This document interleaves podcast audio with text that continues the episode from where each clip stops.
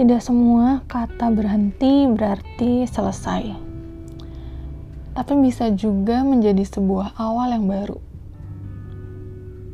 Seringkali kita terlalu fokus tentang pendapat orang lain terhadap kita. Kita merasa lebih baik di saat ada orang lain yang mengatakan bahwa kita ini baik-baik saja. Padahal itu salah. Menaruh rasa aman, rasa bahagia, dan rasa nyaman kita pada pendapat dan pikiran orang lain sangatlah tidak sehat. Karena semakin kita fokus dengan apa yang orang lain pikirkan, maka kita akan semakin merasa terkurung, tidak ada kebebasan, dan semakin merasa terpuruk.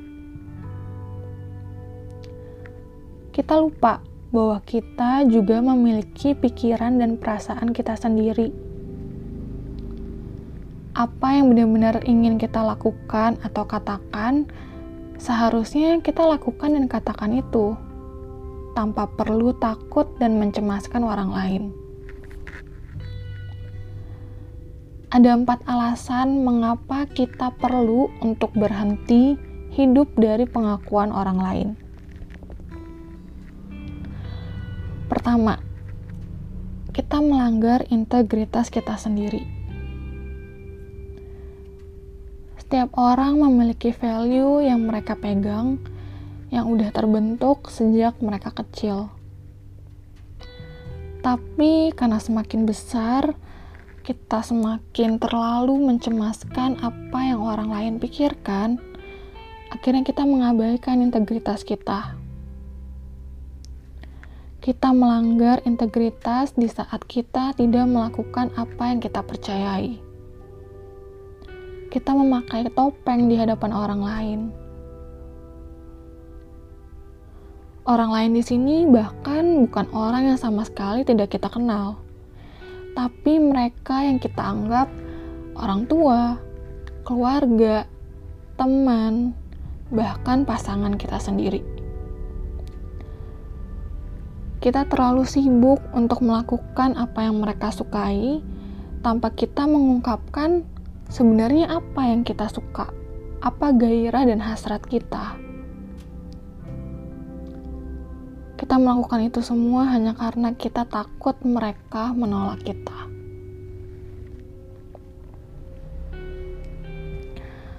Kedua, apa atau siapa yang kita kasihi dipertaruhkan. Kita takut untuk membuat sebuah perubahan Sedangkan jika kita terus melanjutkan cara kita seperti ini, kita bisa kehilangan orang-orang yang terkasih. Contoh, karena kita takut bilang tidak kepada bos kita di kantor yang minta kita untuk kerja di weekend, akhirnya kita merelakan waktu bersama dengan keluarga. Mungkin perubahan itu terlihat buruk, tapi jika kita bertahan di situasi yang sama, itu malah akan memperburuk keadaan. Kita memang perlu untuk mengambil resiko demi memprioritaskan yang lebih penting dalam kehidupan kita.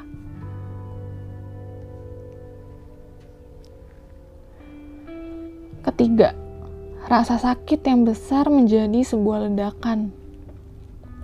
Kita suka menahan marah, kita memendam rasa kecewa yang membuat kita tidak bisa bergerak. Kita merasa stuck di tempat yang sama. Tapi kita terus-terus menerus mentoleransi rasa sakit yang kita terima sehingga akhirnya itu bertumbuh menjadi besar sehingga menjadi sebuah ledakan yang kuat. Karena kita sudah terlalu terkekang, kita butuh space untuk bisa bergerak. Awalnya kita takut untuk ngalamin perubahan, tapi pada akhirnya perubahan itu memang harus terjadi. Karena ledakan itu muncul. Jadi lebih baik berubah secara perlahan kan daripada dengan cara meledak.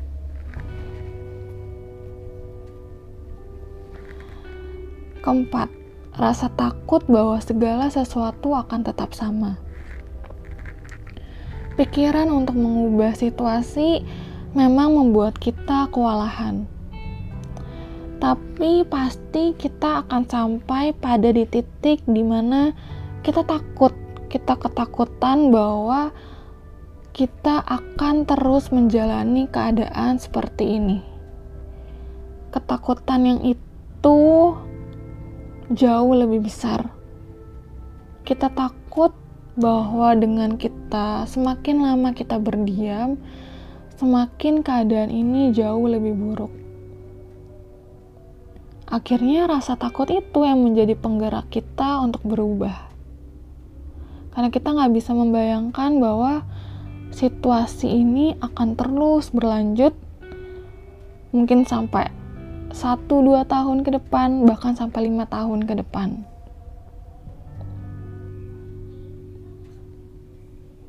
Jadi empat inilah alasan kenapa kita harus berhenti mencemaskan pikiran orang lain terhadap kita. Karena kita memiliki kesukaan kita sendiri, kita punya pikiran, perasaan kita sendiri. Ada banyak hal yang ingin kita lakukan serta kita punya mimpi kita sendiri. Jangan sampai semua hal itu berhenti karena kita hanya bergantung pada pengakuan orang lain. Jangan menaruh gambaran diri kita pada orang lain yang malah hal itu dapat menghancurkan diri kita. Kita harus tahu dengan jelas siapa diri kita. Kita harus menyadari bahwa kita adalah pribadi yang utuh tanpa perlu pengakuan dari orang lain.